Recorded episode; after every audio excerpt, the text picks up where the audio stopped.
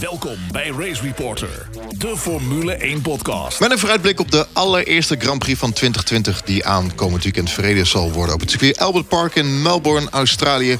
We moeten vroeg op. Zondag om tien over zes gaan de rode lichten uit. Ik ben Lucas Degen en we zitten hier met ons vaste team... vanuit ons eigen onderkomen in Haarlem. Jeroen Demmendaal, Charles Jalving en Jeroen Scholte.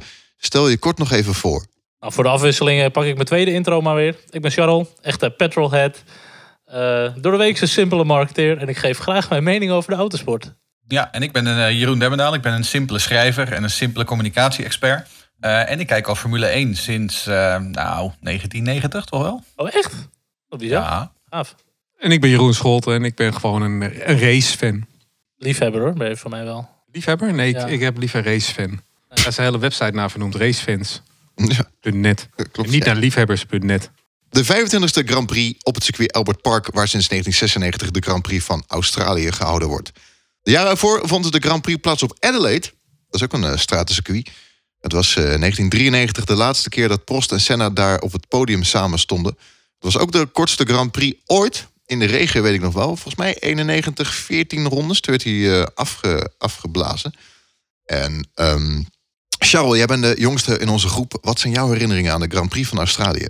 Eigenlijk meteen ook de, de, de vroegste herinnering, maar ook wel de meest heftige. Dat was in 2001. De crash met uh, Jacques Villeneuve. En uh, de Marshall die daar het leven liet, uh, die door een band werd geraakt. Oh ja, PR, ja. En dat is wat ik wel eens eerder vertelde. Dat, dat is zo mooi met Australië. Als, als jong, jong, jong jochie, zeg maar. Dat je dan s'nachts je bed uitgaat. En dan op je pyjama op de bank met een kopje thee de eerste race van het seizoen kijken. Ja, dat zijn voor mij wel de herinneringen. Maar ja, dat je dan in je eentje dat zat te kijken. Want niemand in huis boeide dat ook maar iets. En dat je dan zoiets ziet gebeuren. Dat vond ik wel, wel heftig toen. Ja, ik weet nog dat ze vroeger altijd, dat was toen op RTL Duitsland, zonden ze ook de, de zondagochtend warm-up altijd uit. Oh ja. Dus dan, mocht, dan kon ik altijd zeg maar om, uh, wat is het, één uur s'nachts of zo, kon ik dan de warm-up kijken. En dan daarna twee of drie uur slapen. En dan weer wakker worden en dan inderdaad naar de Grand Prix kijken. Ja. Um, ja. In de tijd dat het toch niet allemaal aangepast was aan Europa. Ja, klopt ja. Het begon toen om vier uur, geloof ik hè? Ja, ja. exact ja. Maar, dat, maar om vier uur begon het.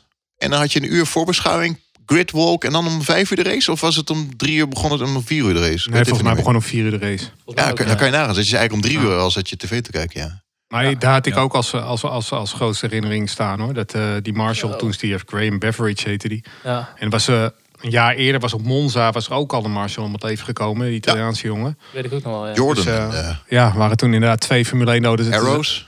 Ja, en het lullige is, het zijn ook echte Formule 1 doden, maar ze worden eigenlijk nooit meer genoemd. We hebben het altijd over Senna en Bianchi, maar nooit over dit soort jongens. Maar dit zijn gewoon vrijwilligers die, uh, ja, die dan om het leven komen. Sowieso wel een baan ook waar we door de jaren heen een aantal flinke klappers gezien hebben. Want natuurlijk die eerste race in 96 had je Martin Brundle die uh, een Jordan afschreef. Uh, in turn 4 uit mijn hoofd. Ja, waar Alonso er ook afging. We hebben natuurlijk Alonso nog een paar jaar geleden gehad in met die McLaren. en natuurlijk, je hebt die mooie, die mooie stuiter nog van, van Jos Verstappen in 97 in de Tirol. Die schreef hem dan weliswaar niet helemaal af. Maar hij stuitte er wel mooi door die, uh, door die grimbak heen in ronde 2. Ja. Dus die ja, staat Schu- nog wel op het... Uh... Is Schumacher hier niet ook een keer over de kop geslagen uh, gevlogen? Ja, mm, jawel. Laat mij niks van bij. Sowieso Ralf Schumacher. Maar, nee, nee, Michael Schumacher is een keertje... Ja, ja Ralf werd gelanceerd inderdaad in die BMW Williams. Ja. Die foto die is echt mega. Als je ziet hoe hoog Ja, die die foto ging. is heel goed inderdaad, ja. Hoogtepunten? Wat zijn de hoogtepunten hier? Um, nou, voor ons Nederlanders uh, Verstappen vorig jaar podium. En ik vond ook het debuut van Max uh, vond ik ook wel, wel heel gaaf, zeg maar, dat hij wel in de punten reed. Uiteindelijk natuurlijk wel een beetje een deceptie, omdat hij uitviel met motorproblemen. Um, dat had natuurlijk helemaal mooi geweest. Als hij direct in zijn eerste race als jongste punten finisher, de jongste coureur uh, aan vierde, de start meteen. Vierde reed hij toch? Ja, volgens mij reed hij vierde. Nee, hij reed toen negen. dat hij zo hoog heeft, maar nee? nog iets van zeven of acht of zo. Oh, okay. ja. Maar voor de rest vind ik het uh, over het algemeen trouwens een heel erg saai, vervelend baantje. ja. ja. Het is niet mijn uh, kopje thee. En ik heb ook niet zo heel erg veel spectaculaire races. Uh, voor mij heeft David Coulthard een keertje vanaf plek 11 of 12 gewonnen. Ergens in 2003 in de McLaren. Ja, voor mij is het voor mij het belangrijkste. Het gevoel bij Melbourne is het gevoel van het begin van het seizoen. Ik bedoel, ik denk dat dat. Ik, ik ben het wel met je eens hoor. Het is, het is een baan waar het moeilijk inhalen is. Het zijn niet vaak spectaculaire wedstrijden. Maar ik vind de setting heel mooi. Want ik ben wel een fan van Albert Park. En het is gewoon, het is de eerste wedstrijd. Het is vrijdagochtend. Uh, nu dat ga ik nu ook weer doen. Dan ga ik om zes uur 's ochtends ga ik voor, voor vrije training 2 zitten met een kop koffie op de bank. Ja. En dan is het weer begonnen. En dat ja. is toch wel uh, het Albert oh. Park gevoel voor mij. Eens. Ja, en, en het is natuurlijk ook wel leuk als de Aussies het een beetje goed doen. Volgens mij hebben we Mark Webber nog een keer op het podium gehad. Uh, Ricciardo is volgens mij wel een keer op het podium geweest, maar die heeft hem uiteindelijk niet gekregen. Maar dat gun je dan ook wel. Ja, en afgelopen seizoen met eh Ricciardo, eh, die natuurlijk dacht ik ga een beetje buitenom door het gras. Dat was meteen een goede begin van het jaar eh, bij Renault. Ze hebben nu een nieuw fl- eh, flappy asfalt daar neergelegd hè, bij het uiteinde van die pitstraat. Zodat als hij dat weer een keer doet, dat hij dan nu gewoon over het, eh, over het asfalt kan. Ze helpen hem een beetje. Verwachtingen. Tijdens de wintertest krijg je natuurlijk een klein beetje inzicht in eh, wie waar staat, welk team, welke rijders. Eh, maar goed, niet iedereen laat het achterste van zijn tong zien natuurlijk. We weten het pas echt zaterdag 14 maart tussen 7 en 8 de kwalificatie in de ochtend. Vorig jaar won Valtteri Bottas hier. Ehm, ja, wie wordt flop en wie wordt top? Nou ja, dit is een beetje een verlengde van natuurlijk waar we het al in de wintertest eh, aflevering al over hadden. Ehm, ik denk inderdaad dat Mercedes gewoon het te kloppen team wordt. Dat Red Bull er dichter achter zal zitten dan in voorgaande jaren. Maar of ze ervoor gaan staan, dat durf ik niet te zeggen. Ehm, ik denk dat Haas en Alfa Romeo een eh, moeilijk seizoen tegemoet gaan. En eh, dat gaan we hier al zien. Ehm, en ik verwacht wel wat extra's van eh Alfa Tauri en, en Racing Point. Ik denk dat die misschien wel voor een verrassing zouden kunnen zorgen hier. Maar dan noem je natuurlijk Red Bull gewoon als zijnde team. Terwijl ik denk dat heel veel mensen het gaan zien als zeg maar Max Verstappen en Albon. Eh nou weet ik dat jij met Albon wel iets meer eh, verwacht. Eh, hoe zie jij dat voor je qua Australië? Ik denk dat Albon er nog steeds gewoon een halve seconde of vier tiende achter gaat staan. Want ik bedoel, hè, het was 6 zeventiende en het wordt inmiddels minder en minder. Kijk, uiteindelijk tegen het einde van het seizoen, ehm, half, twee derde van dit seizoen, zal hij er gewoon heel dichtbij moeten staan. En er af en toe zelfs voor. Want dat is wat Red Bull van hem verwacht. Als hij, hè, wil hij in 2021 doorgaan in die Red Bull. Eh, maar ik denk nee, ik denk zeker dat Max nog steeds gewoon eh, de, de te kloppen man blijft bij Red Bull. Ook om, gewoon omdat het Max Verstappen is en daar zijn er niet zoveel van. Waarbij wel, denk ik, gezegd moet worden dat Melbourne niet echt een, een rijdercircuit is.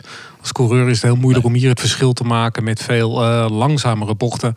En, eh, en veel rechte stukken. Weinig echt eh, sprankelende bochten waar je met hoge snelheid een verschilletje kan maken. Lijkt Melbourne wat dat betreft op Sao Paulo? Want daar deed Albon het namelijk heel goed. Mm, Sao Paulo is veel vloeiender. Nee. Ja. is veel vloeiender. En dit is meer echt een, ook, een- ook een straatcircuit met andere grip levels. Dus eh, nee, dat denk ik niet. Dan zou je meer nog met Canada moeten vergelijken. Maar dat is ook weer anders. Ja, Het enige waar je dan wel een beetje het verschil kan maken is in die, eh, die turn 10 en 11, die links-rechts combinatie. eh achterop het circuit. Die is wel vrij snel, zeg maar. Ja. Dan kun je ook vaak zien ehm, de, hoe, hoe stabiel die auto ligt. Want je ziet daarmee, dat zag je vorig jaar bijvoorbeeld ook met die Williams. Die hadden het daar zo zwaar. Die verloren daar gewoon een seconde. Omdat ze gewoon dat ding niet op de baan konden houden. Verder ben ik het eh, met Jeroen eens dat, eh, dat Racing Point zeker in het begin van het seizoen heel erg goed mee zou moeten komen. En, en de- met name inderdaad in het begin. Ja. Later zal het echt lastig Ja. voor ze gaan worden. Ik denk dat de ontwikkelstrijd wat lastig gaat worden. We hebben ook een vraag van Racebezoeken. En hij vraagt: Is Australië überhaupt wel een goede graadmeter hoe de rest van het seizoen eruit gaat zien? Albert Park is een circuit met een eigen karakter. Kortom, weten we na Q3 al zeker waar de teams staan. Ja, dat is sowieso altijd heel erg moeilijk. Mensen zeggen altijd, nou ja, Melbourne hoort, hè, is nog een moeilijke graadmeter omdat het een apart circuit is. Dat vind ik niet helemaal waar. Want als je simpelweg kijkt naar de afgelopen twintig winnaars van Melbourne, of nee, poolzitters van Melbourne. Daarvan werden de 13 ook wereldkampioen dat jaar. Dus het is wel enigszins een graadmeter. Maar kijk, het is de eerste race van het jaar. Tegenwoordig hebben we 21 of 22 races in een jaar. Natuurlijk is dit niet echt. Hè, we weten natuurlijk niet aan de hand van één race hoe het seizoen er verder uit gaat zien. Dat, dat seizoen is zo lang en er wordt zoveel ontwikkeld. Dus nee, we weten eigenlijk nog helemaal niks na één race. En dat we vorig jaar ook in de podcast natuurlijk. Dat we eh, eigenlijk toch een beetje moeten afwachten van wat gaat er gebeuren. En sommige mensen zeggen ook pas vanaf Spanje kan je echt een beetje de eerste balans gaan opmaken. eh, van hoe het ervoor staat. En dat zal dit seizoen wat anders zijn. Met China die natuurlijk sowieso niet doorgaat. Eh, Nederland is ook wel een apart baantje. Ja, dus het is ook gewoon even afwachten eh, wat de vorm van de dag is. En hoe de verschillende circuits liggen bij elk team. Ja, na Spanje heb je ook vier, vijf races gehad. Hè? Dus dan, heb je ook al, dan zie je ook al of iemand een voorsprongetje pakt en dat soort dingen. Maar eh, na één race, ja, eh, al doe je de meest gemiddelde race als eerste race, dan nog is het bijna niet in te schatten. Wat wel interessant is, het heeft volgens mij Toto Wolf gezegd... we rijden dit jaar twee kampioenschappen. Want we hebben natuurlijk de ontwikkeling van de auto van volgend jaar. We Dus rijden ieder jaar twee kampioenschappen, hè? dat weet Toto Wolf. Dat is Ja, de Formule maar- 1 en de Formule 1.5 was dat afgelopen seizoen toch? Nee, maar, hebben- coureurs en constructeurs bedoel ja, ik. nee, dat snap ik. Maar ze hebben natuurlijk wel eh, al de ze moeten zich ook gaan concentreren op de ontwikkeling van de auto van volgend jaar. En wanneer laat je de ontwikkeling dit jaar gaan? Eh, dus dat is ook wel interessant om in de gaten te houden natuurlijk. Ja, maar dat is wat ze bij Racing Point hebben gezegd. Hè, dat ze bewust eh, die, eh, die W15 van Mercedes gekopieerd hebben. Zodat ze daarbij zich, eh, zodat ze zich eigenlijk al heel vroeg op die auto van 2021 kunnen richten. En daar al extra ehm, RD in kunnen gaan steken. Maar goed, dat zou wel een interessante kunnen zijn dit seizoen. Ehm, als het bijvoorbeeld wel heel spannend gaat zijn tussen Lewis Hamilton en Max Verstappen. Wanneer gaat welk team zijn resources nog meer verschuiven naar 2021? Het kan best zijn dat Mercedes op een gegeven moment zegt: jongens, wij vinden het goed zo. We gaan meer focussen op 2021. En dat Red Bull zegt: wij trekken hem volledig door om Max echt tot het einde mee te laten doen voor de titel. Ja, zou Red Bull dan meer willen inzetten op dit jaar? Of meer willen inzetten op volgend jaar? De, dat vind ik wel een interessante ontwikkeling als het echt spannend gaat zijn. Goed, verder hebben we nog een vraag van Kevin Heimgartner. Hij zegt, kunnen we al wat duidelijkheid verwachten tijdens de vrije trainingen? Of is de kwalificatie de echte test? En geeft dat duidelijkheid over de stand van zaken? Nou, ik verwacht tegenwoordig dat de vrije trainingen wel al een redelijk beeld gaan geven. Maar uiteraard is de kwalificatie, dan gaan echt de motoren volledig open. Dan eh, zijn de kaarten gewoon op tafel. Uh, maar voor mij vorig seizoen zag je ook wel dat Mercedes gewoon heel solide was. En uh, je kan er gewoon wat conclusies uithalen. Waar ik eigenlijk tijdens de vrije trainingen uh, benieuwd naar ben, is uh, dat DAS-systeem van Mercedes. Wat me namelijk op, opgevallen is, en dat, in Barcelona tijdens die zes testdagen kwamen op een gegeven moment kwamen de journalisten erachter dat er een, een systeem was. Nou, dat bleek dus DAS te heten. Toen hebben ze dat nog een dagje of zo gebruikt. Daarna werd eigenlijk niet meer teruggezien in de overige drie, vier dagen die daarna nog volgden.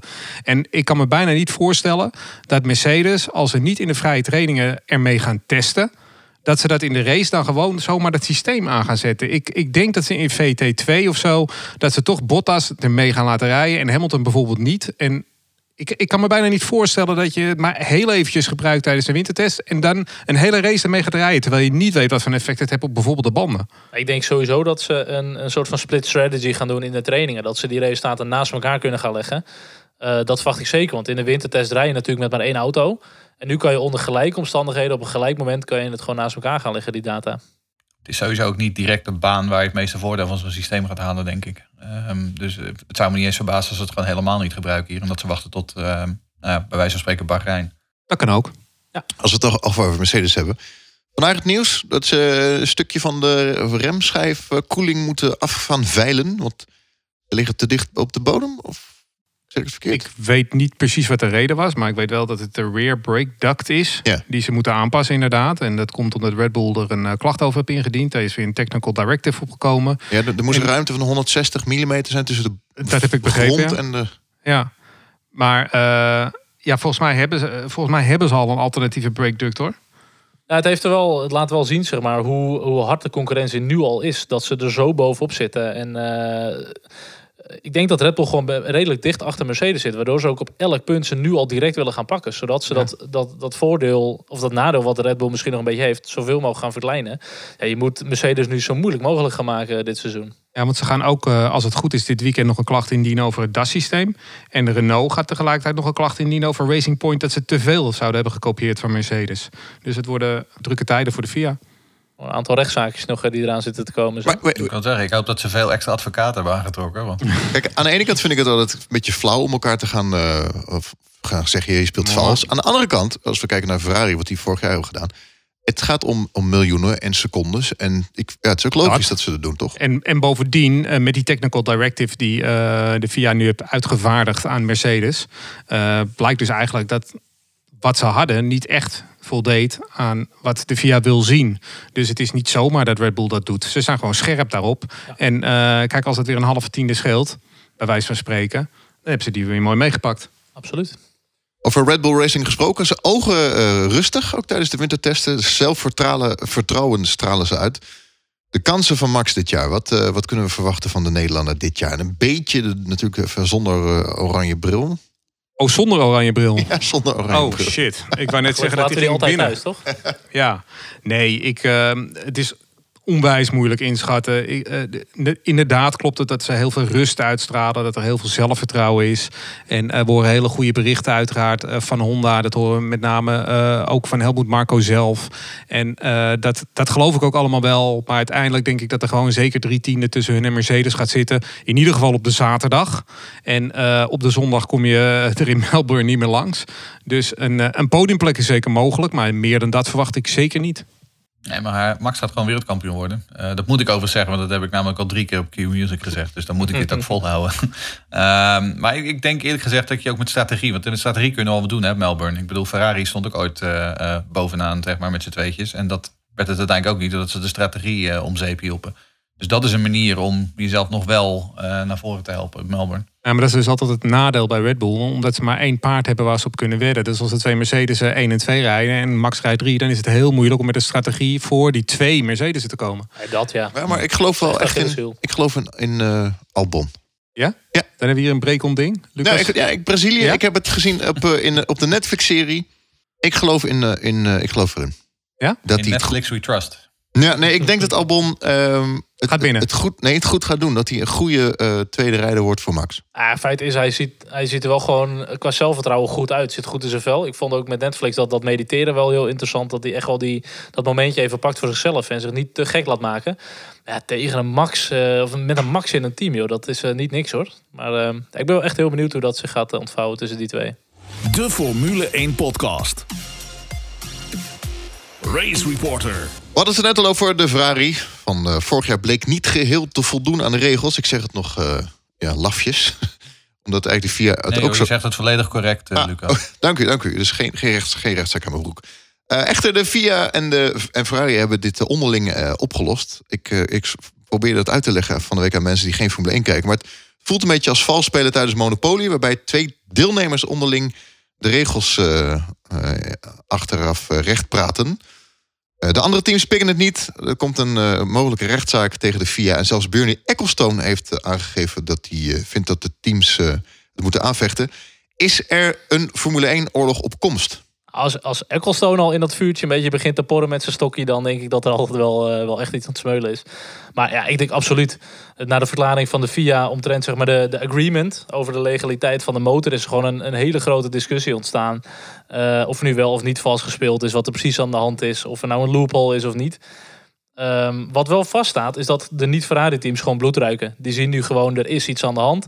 Uh, hier kunnen we ze mogelijk op gaan pakken. En ze eisen terecht transparantie, integriteit en, en opheldering. Um, en mocht het zo zijn dat Ferrari echt gedisqualificeerd had moeten worden, nou, dan kan dat echt wel financieel heel erg veel gaan schelen. Want volgens mij heb Ferrari uh, voor de tweede plek krijg je rond de 56 miljoen. Uh, als je dat moet inleveren, uh, dan levert dat de Red Bull direct weer 10 miljoen extra op voor Nee, ontwikkeling. 24 miljoen had Red Bull gezegd. Zoiets hoorde ik ook, 24 jaar. Ja, ik weet het niet hoe dat precies zit of als je volledig uh, gedisqualificeerd wordt. Maar het gat tussen Red Bull en Ferrari, dat kan zo 20 miljoen zijn. Um, ja, dat is gewoon een hele hoop geld voor ontwikkeling. En um, ik, Ferrari heeft wel een nieuwe motor moeten bouwen. Die hebben alles moeten aanpassen, dat het, dat het niet nog een keer gebeurt. Is dat genoeg straf? Ik uh, ben wel echt heel erg benieuwd.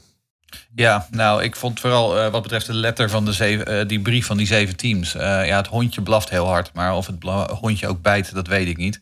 Um, want er werd inderdaad geschermd met een mogelijke rechtszaak. en binnen 24 uur kwam de FIA met een statement naar buiten waarbij ze in feite zeiden: um, ja, jongens, we hebben gewoon binnen onze bevoegdheden gehandeld. We hebben volledig de letter van de wet en de letter van de reglementen gevolgd hierin. Wij staan in onze recht, wij mogen dit doen.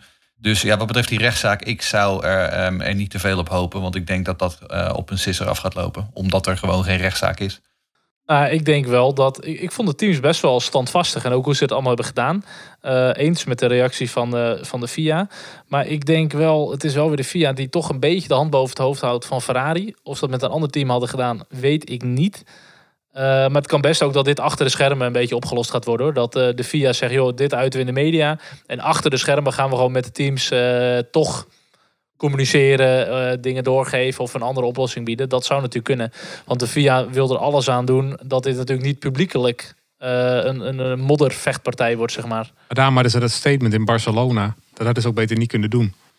Als je het dan onder de tafel oplost, hou het daar dan ook. Nu ja, heb je allemaal slapende honden wakker gemaakt. Daarbij is de VIA misschien inderdaad coulant voor Ferrari. Maar dat heeft dan niet zozeer te maken met dat ze Ferrari bevoordelen. Maar omdat ze gewoon uh, een nieuwe Concorde Agreement nodig hebben. En daar hebben ze Ferrari hard voor nodig. Dat is vaak het eerste team betekent. En de rest volgt dan wel weer. En heeft Joost heeft ook nog een vraag erover. Heeft Ferrari nou vals gespeeld of een slim trucje bedacht en er zolang het mocht optimaal van geprofiteerd? Net als Red Bull in het verleden met de Flexwings of Williams met actieve vering. Ja, dat, dat vind ik zelf een lastige. Uh, hebben ze direct vals gespeeld? Is niet aangetoond. Hebben ze waarschijnlijk toch een soort van loophole gevonden. Uh, met iets wat best wel een stukje grijs uh, gebied is.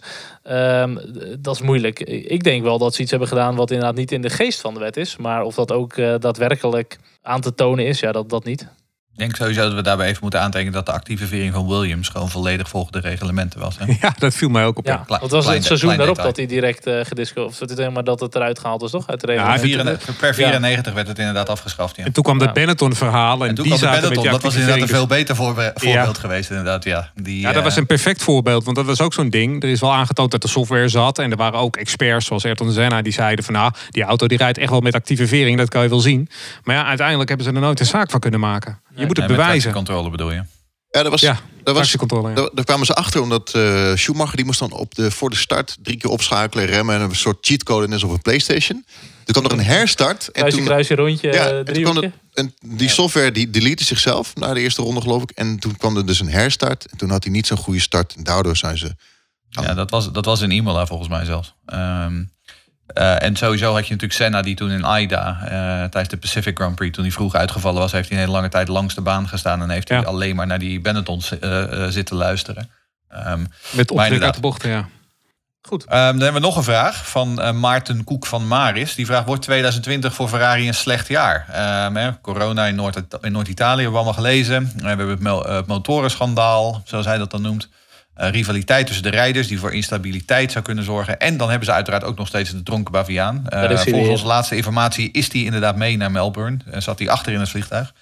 Ehm, dus, vraagt Maarten, dat kan toch niet goed gaan? Ehm, nou, ehm, van alle drie de topteams eh, vind ik Ferrari wel met afstand de minst stabiele ja, in de huidige situatie. Ik, eh, ik, ik verwacht, ik verwacht er niet, niet dat, ze, dat ze vooraan mee zullen doen in dezelfde mate als Red Bull en Mercedes dat kunnen. Om alle eh, genoemde redenen inderdaad. Want uiteindelijk, het punt is, op een gegeven moment moeten die Italianen toch ook een keer terug naar eh, Maranello en naar Italië. Want ze kunnen niet op de, on the road blijven. Ehm, dus ja, dat heeft ook allemaal invloed op natuurlijk op je ontwikkelingswerk en, eh, en wat je verder kunt doen. Dus ja, ik denk wel dat Ferrari een, een lastig jaar tegemoet gaat. Ja. Sterker nog, ik denk dat Ferrari als eerste van de topteams gewoon vol gaat focussen op 2021. Omdat ik denk Ja. dat het nu al bijna verloren jaar is. Met die volledig aangepaste motor. ehm, met alles wat er nu speelt. Eh, en ik denk gewoon dat ze echt wel derde team zijn. Ik denk dat die, eh, dat die best wel snel de focus kunnen gaan verleggen. Ja, maar of het het derde team is, moeten we eerst nog even zien. Maar mochten ze echt het derde team zijn, dan vrees ik dat Binotto eh, de jaarwisseling niet meer haalt. Ja, ook met dit- ja. Ja, ook met het, eh, met het eh, eh, vals spelen of, of niet vals spelen, hoe je het wil zien. Eh, Ferrari staat daar wel weer een beetje te kakken. Hè? En staat nu, wordt nu wel gezien als een valsspeler. Ja. Ja. Binotto niet goed gemanaged. Zo was de teambaas bij Ferrari. We hadden het al over corona-update. Het houdt de hele wereld eh, bezig. Hoe zijn jullie ermee bezig? We hebben elkaar geen hand gegeven sowieso net in ieder Nee, geval. we zitten ook allemaal op een meter afstand. Ja, dat klopt. We hebben de elleboog Ja, ik zit gedaan. bewust op afstand natuurlijk. Ja. Hoe, hoe is het in Zweden? Eh, het- ja, we hebben het is ongeveer hetzelfde als in Nederland volgens mij. We hebben ook een eh, paar honderd gevallen. eh, maar ik bedoel, het, het dagelijkse leven gaat hier gewoon normaal door. Hoor. Ehm. Maar goed, ehm, op, de, op een update inderdaad. Ehm, nou, nog- Australië gaat in ieder geval door. Ehm, ik, bedoel, hè, ik bedoel, Jeroen die heeft eh, wekenlang zitten schreeuwen dat Australië niet doorging. In onze private Whats- WhatsApp groep. Heeft hij gewoon geen gelijk, hè? door. Dat is hartstikke mooi. Even victory Ehm, dance hier. Bahrein eh, gaat het natuurlijk achter gesloten deuren doen. Laat geen publiek toe. Ehm, nou is het natuurlijk ook zo dat Bahrein een ontzettend klein land is. Dus daar is het, eh, de gezondheidszorg heel snel overbelast. Dus ik snap dat eerlijk gezegd wel. Eh, Vietnam houdt nog steeds bij hoog en laag vol dat alles gewoon doorgaat en dat het geen probleem is. Ehm, al zouden ze geloof ik wel later deze week een officiële beslissing nemen. Volgens de Vietnamese pers. Ehm, en dan inderdaad Zandvoort-Barcelona. Ja, ik bedoel, zoals ik al op Twitter zei... als ze Zandvoort afschaffen, dan word ik heel link. Dan ga ik rellen. Eh, Barcelona mogen ze wat mij betreft morgen al afschaffen. Dat vind ik allemaal prima. Dat is toch een waardeloze wedstrijd. Gewoon sowieso mogen ze die afschaffen volgens jou, denk ik. Sowieso mogen ze die afschaffen, inderdaad. Eh, wat we ook alweer gezien hebben, ook in Australië en in Bahrein... dat er toch ook voor het Formule 1-circus wel weer speciale omstandigheden... en speciale regels worden gedaan. En eh, dat hè, mensen mogen niet vanuit Italië uitreizen... maar de mensen van Ferrari en Pirelli mochten wel vanuit Italië uitreizen... met speciale dispensatie. Ehm, dus wie weet, uiteindelijk eh, is het toch, spelen er ook gewoon hele grote commerciële belangen mee. Ehm, en bijvoorbeeld ook voor Zandvoort natuurlijk. Hè. Ik bedoel, je moet wel heel sterk in je schoenen staan als je nu de eerste Dutch Grand Prix in 35 jaar gaat afschaffen. Voor mij is het nu, eh als vandaag ook, dat eh, alle evenementen waar meer dan duizend mensen zijn, worden in Brabant sowieso al direct verboden. Ehm, en dat zou best wel kunnen dat dat in de rest van Nederland ook nog een tijdje gaat komen. En hoe lang dat dan gaat duren, dat, daar ben ik wel heel benieuwd naar. En, misschien nog een stukje breaking, is inderdaad in het eh, Hotel Albert Park is ook afgesloten vanwege een eh, corona-outbreak met de besmetting van een hotelgast. En dat eh, zou iemand kunnen zijn die ook iets te maken heeft met het Formule 1 circus. Dus dat, dan komt het wel weer heel dicht bij, de Grand Prix zelf. Daarom zeg ik ook, Australië gaat niet door, jongens. We zitten hier voor niks voor te beschouwen. Ja. Hey, die zou eigenlijk de, de, dat, dat hotel zit aan het circuit volgens mij. Een pocht, nou, ik weet het niet zeker, maar um, die zou officieel geheropend worden, maar dat is gewoon nu ook even uitgesteld. Dus ik ben echt wel benieuwd wat daar nog gaat gebeuren, omdat daar iemand ook positief getest is. Nasty. Toekomst van de Formule 1. Honda en Hamilton zijn er niet gerust op. Wat speelt er? Wat is er nieuws? Nou ja, met name Honda. En uh, de, de grote baas van Honda, Masashi Yamamoto, die uh, is er nog niet van overtuigd dat de Honda uh, nog, blijft, nog langer blijft in de Formule 1 na 2021. We hebben er een paar weken geleden een discussie over gehad. Naar aanleiding van het bijtekenen van Verstappen. Uh, toen was ik al wat sceptisch van ja, ik moet het nog maar zien. Maar hij heeft nu ook gezegd ja, we zijn in onderhandeling met Helmut Marco over een verlenging bij Red Bull. Dus dat klopt allemaal wel. Maar daar liggen de grote problemen niet. Dat zou wel rondkomen. De grote problemen die ze hebben, of problemen, maar goed, ze zitten natuurlijk met het financiële plaatje. Als fabrikant zijn ze de enige uh, die eigenlijk niet besparen uh, met de nieuwe regels. Want de rest uh, doet het allemaal op hun team. Renault, Ferrari en Mercedes. Maar Honda kan het niet op hun team, want die hebben geen eigen team. En op motoren kan je niet besparen met de nieuwe regels. Dus dat is een ding voor ze. Maar ze zijn ook bang dat de Formule 1 nu nog bekend als de pinnacle of motorsport vanwege hun technologische voorsprong, uh, die titel een beetje langzaamaan kwijt gaat raken. Uh, en dat hoor ik nu een Formule E uh, nou ja, daar heeft het wel een beetje mee te maken. In, in Engeland in Engeland uh, gaan natuurlijk alle uh, nieuwe benzine, diesel of hybride motoren vanaf 2035 in de ban. En uh, ze hebben daar niet met zoveel woorden gezegd dat het dus elektromotoren moeten worden. Uh, en Yamamoto is daardoor een beetje bang dat als uh, Formule 1 doorgaat met hybride motoren, dat, ze, uh, dat de Formule 1 zijn technologische ehm, belangrijkheid, hoe noem je dat? Ja, zijn technologische ja. waarde gaat verliezen. En nou, Lewis Hamilton heeft niet zo heel veel erover gezegd, maar die heeft wel gezegd dat hij eigenlijk vindt dat ook uh, Formule 1 uh, naar de elektri elektrische kant moet. Hè. Die, die noemde het zelfs F, uh, hoe noemde hij het? FE1, Formule E1 wilde hij dat gaan noemen. maar goed, het, het bezwaar wat Honda heeft, dat, daar hebben ze wel een klein punt. En ze willen heel graag zien wat de toekomstvisie van de Formule 1 is die kant op.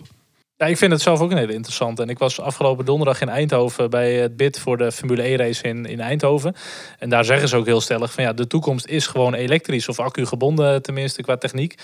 Um, dus ik ben in dat opzicht ook alweer geïnteresseerd, daarom ook in de Formule E, van welke richting gaan die op? En is dat toch een stukje verkenning ook voor een Formule 1? Uh, daar moet gewoon qua techniek en qua, qua groen, uh, groene energie moet er gewoon wel iets gaan gebeuren ja, in de Formule kijk, 1.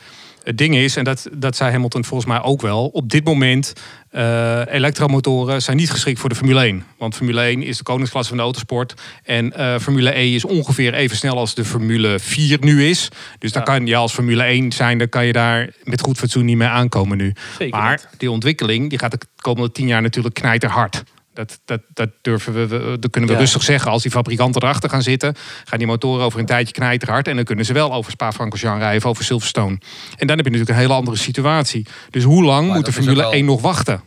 Maar dat is ook wel vooral ehm, in Europa en China het geval. Want als je kijkt naar Amerika, in Amerika loopt de elektrificatie echt gewoon mijlen achter. Want in Amerika, eh, de, ze worden gewoon niet verkocht. De, alle subsidies worden afgeschaft, ook op staatniveau. Eh, dus je ziet dat de Amerikaanse auto-industrie ook gewoon ehm, nog grotendeels zich op de benzinemotoren blijft richten. Dus ik denk, wat dat betreft, ehm, kijk, weet je, ik bedoel, wat mij betreft, de grootste delen Formule 1 eh, eh, elektrisch. Ehm, ik weet niet of ik erop zit te wachten, want ik vind het eerlijk gezegd, ik vind dat motoren gewoon bij autosport horen. Maar goed, dan hebben we gelukkig de IndyCar nog. Zeker, ja. Persoonlijk heb ik het liefst ook gewoon een schreeuwende V12 of een V10 of een desnoods een V8. Dat, dat, dat is, dat ik het eh, op Zandvoort nog dit weekend. Of het is het eh, woensdag met Max. Ehm, dat is gewoon, als je dan die banden weer uit, Ja. die, dat rubber en die, die, die motoren en die brandstof en zo. dus Zeg maar, dat, dat wil je gewoon hebben. En dat moet niet eh, een of andere elektrische Mario Kart gaan worden. Absoluut niet. Nou ja, goed, eh, zolang Trump daar president blijft in Amerika, eh, zullen die subsidies op elektromotoren ook niet eh, komen. Voor, voor mij maakt hij zich niet zo druk om het milieu. Dus. Deze podcast is binnenkort ook elektrisch, want we draaien nu nog op een eh, dieselgenerator. Afgelopen week kreeg ik een mailtje van de organisatie van de Dutch GP. Je- Jeroen Demmenaar, je hebt hem nog niet, ik heb hem je geforward. Daarin staat dat iedereen die een ticket heeft vanaf 23 maart elke eh, aangeschafte ticket eh, op naam dient te zetten. Ja, opvallend. Maar goed, jullie hebben de mail dus niet ontvangen. Wij zijn voor mij eh, VIP, dus dat staat allemaal al op naam. Ja, het zal wel vanwege die VIP hebben, denk ik. Ja, dat Ja, zal die VIP-behandeling Tuurlijk, wel zijn. Ja, Tuurlijk, De tuurlijk. pedalkaarten die zijn altijd op naam al. Dus eh, heel, Ja, veel beeld, exact, ja. heel veel beelden afgelopen week op eh, YouTube te zien natuurlijk vanwege de, de opening van het circuit Zandvoort. De nieuwe baan. Ja, nieuwe baan mag ik eigenlijk niet zeggen. Natuurlijk de, de ja, Zandvoort 2.0 als het ware. De eerste crash was al een feit afgelopen weekend. Veel rijders hoor ik over eh, dat ze nog niet de ideale lijn weten te vinden. Charles, jij hebt op gereden vorige week. Wat, eh, hoe, hoe ging dat? had ik daar niet al over gehad in de podcast op naam in de vorige? Want dat, het rondje dat ik had gereden, dat was eh, sowieso Ja, heel ja, erg dat was tof. vorige week al. Ja. Volgend Ja. onderwerp. Eh, Scrap. nee, maar woensdag, eh, woensdag was, was eigenlijk de media, de founders en de, de, de bouwvakkers zeg maar, van Volker Wessel... die aan het, op het circuit bezig zijn... die eh, waren uitgenodigd voor de officiële opening van de Grand Prix. Ik moet zeggen, het was bijzonder gaaf. Wij stonden bij de Hugenots, dat Max het eerste rondje kwam doen. En eh, hij vond het zelf ook fantastisch. Hoe, hoe, hoe diep dat gat is waar je induikt, zeg maar. En over die banking. Ja, ik heb dat stukje fotografie, dat kwam echt heel mooi van pas. Want ik heb echt super mooie plaatjes gemaakt. Maar ehm, ja, het begint echt op te schieten. Ik heb nog wel echt eh, vandaag een discussie met een criticaster op eh, Twitter. Die zegt, ja, dit, gaat, dit gaan ze nooit redden. Eh, ze hebben te kort tijd. Maar ehm, ja, ik denk dat het allemaal gaat goed komen. De organisatie die erachter zit, die is zo professioneel. Ehm, dit gaat gewoon een feestje worden. Ik denk dat het corona nog het grootste ding is wat het nog in de weg kan zitten. Ja, ik bid iedere morgen aan de coronagodinnen... dat ze alsjeblieft er weer mee op willen houden... en niet Zandvoort eh, willen, in de weg willen zitten. Ja, maar hoe mooi zou het zijn als we toch wel gewoon begin mei eh, op een strandtent zitten, kaasplankje erbij, biertje en gewoon, eh, gewoon lekker van die Grand Prix gaan genieten daar met z'n allen. Nou, Jeroen Scholten niet, maar daarom is het Ja, wel super gezellig dan. inderdaad. We gaan eh, bidden inderdaad. Maar als er een eh, groot coronavirus daar uitbreekt, ben ik de enige die nog eh, een podcast kan opnemen. Ik wil zeggen, dan neem jij de rest van het seizoen in je eentje op. Nou, het daar wordt, daar Dat wordt, daar de- waarschijnlijk veel beter naar geluisterd. Dat is dus eigenlijk een soort van onze designated survivor dan, of niet? Met de Dutch Grand Prix? Ja, er exact. staat een hele druk op mij. Ja, sterker nog, ik ga helemaal naar Amerika om het te overleven hier. Ja. Dus als jullie met z'n allen, ja, dan ben ik Kan er jij het wel doorzetten, zeg maar? Zeker. Nee, oké, dan komt dat helemaal goed. Voorspelling voor ehm, de komende race. Vorig jaar won Valtteri Bottas hier. Ik zei het net al, Lewis Hamilton heeft hier twee keer gewonnen. Laatste keer was in 2015. Vettel won hier in 2018, 2017 en 2016. Voorspelling voor de komende de Grand Prix. 1, 2, 3 en 10. Oké, qua voorspelling. Ja, ik denk toch helaas wel dat Hamilton hem gaat winnen. Ik heb er toch wel vertrouwen in dat die Mercedes alsnog eh, echt wel, wel snel gaat. Ik heb Verstappen op P2. Bottas eh, solide op P3. En ons grote vriend Norris eh, P10, laatste puntje. Oké, ik denk dat eh Valtteri Bottas weer gaat winnen. Lewis Hamilton tweede, Max Verstappen derde, hetzelfde als vorig jaar. En op E10, eh, dat wordt een Renault, eh, Esteban Ocon. Nou, Max Verstappen gaat winnen, gewoon omdat het kan. Ehm, Lewis Hamilton wordt tweede, Alexander Albon wordt derde. En omdat het Melbourne is en omdat het kan, George Russell pakt het laatste punt. Leuk. Ik denk Lewis, Max, Bottas en tiende wordt eh Saints.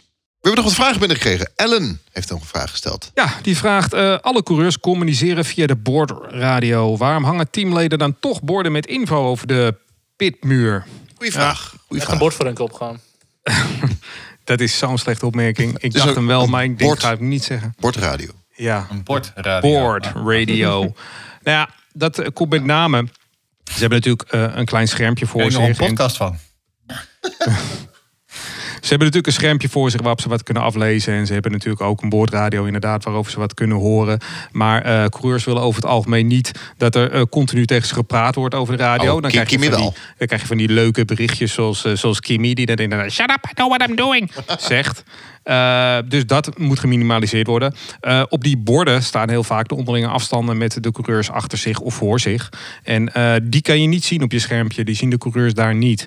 Dus als ze langs startfinish rijden, kunnen ze dat, als ze dat willen, eventueel zien. En daarbij komt nog tenslotte dat het schermpje is ook niet altijd heel erg goed te lezen met slecht weer en dergelijke. Dus zo'n pitboard is een beetje een extra, extra informatie voor de coureurs. Kleine moeite, groot plezier. Volgende vraag van Harry de Groot. Ja, die vraagt: eh, F1-kwalificaties gaan in tijden tot in duizendsten van een seconde. Eh, en hij vraagt zich af: hoe worden tijden gecontroleerd en waarom zijn er nooit correcties? Want bij het schaatsen zijn er continue correcties en zij werken ook met een transponder. Ehm, deze ga ik even een beetje uit mijn hoofd doen. Maar om wat, zoals ik me herinner, zit het zo dat er heel veel transponders in een baan zitten in, eh, bij een Formule 1 circuit. Die worden er al weken van tevoren in aangelegd. Ehm, oftewel, ze werken niet met één transponder ehm, ehm, in de auto, maar ze werken ook met transponders langs de baan. En eh, er is een verschil tussen de tijdswaarneming die de wedstrijdleiding heeft en de tijdswaarneming die wij op tv zien. Want de tijdswaarneming die wij op tv zien, die gaat inderdaad tot een duizendste. Eh, de wedstrijdleiding kan indien nodig ook nog tot verder eh, meerdere decimalen achter de komma de, de tijd uitvogelen. Bijvoorbeeld, ehm, de, de oudere luisteraars onder ons, die weten dat waarschijnlijk nog wel in 1997, laatste race van het seizoen, drie coureurs met allemaal exact de snelste tijd. Ehm, en toen konden ze wel zien ehm, wie er dan alsnog de snelste was. Nou hadden ze daar, eh, bestaat er ook een regel in Formule 1 waarbij degene die als eerste de tijd neerzet, die eh, start als eerste. Zo werd het toen ook. Maar ze konden toen wel zien wie er daadwerkelijk de snelste was. Dus dat is volgens mij hoe het zit. Maar als een van jullie eh, het beter weet, dan hoor ik het graag. Dat niet. Ik weet alleen dat het systeem is van Tech Heuer, volgens mij. Met schaatsen Ja. hebben ze volgens mij drie manieren, waarvan eentje voor tv wordt gebruikt en ook een hele andere weer eh, voor de officiële tijd of zo. Maar het werkt iets anders. We gaan eh, vooruitkijken naar de Grand Prix dit weekend. Erg veel zin in. Ik zit al een beetje in het ritme. Ik ga vroeg naar bed. Want ik wil eh, fris en fruitig iedere dag om vijf uur op. We hebben wat donaties binnengekregen. Eddie, hartstikke bedankt. Chris, Niels en Karine, heel erg bedankt. Dat zijn de leden die doneren iedere maand. Heel erg bedankt. Help ons deze podcast mogelijk maken. We zijn een onafhankelijke groep. En ehm, ja, help ons. Ga naar f1podcast.nl slash petje af of racereporter.nl. Like, share, doneer, reageer via onze website, via social media, Facebook, Instagram. Op Instagram hebben we een leuk filmpje van de Skippybal. We Nou, we hebben een filmpje. hebben een filmpje, oké. Jij zegt een leuk filmpje, maar Ah. dat, dat, dat weet ik niet precies. Ik vind hem ook leuk hoor. Twitter, veel eh, interactie daar ook. En eh, onze eh, groepsfoto komt erop. En de vragen en de dergelijke. Uh, heren, dank Graag gedaan. Fijne race allemaal alvast. Was leuk. Eh, We kijken ernaar. Als hij doorgaat, wat niet zo is, dan, eh, gaat dan wens ik jullie een fijne race.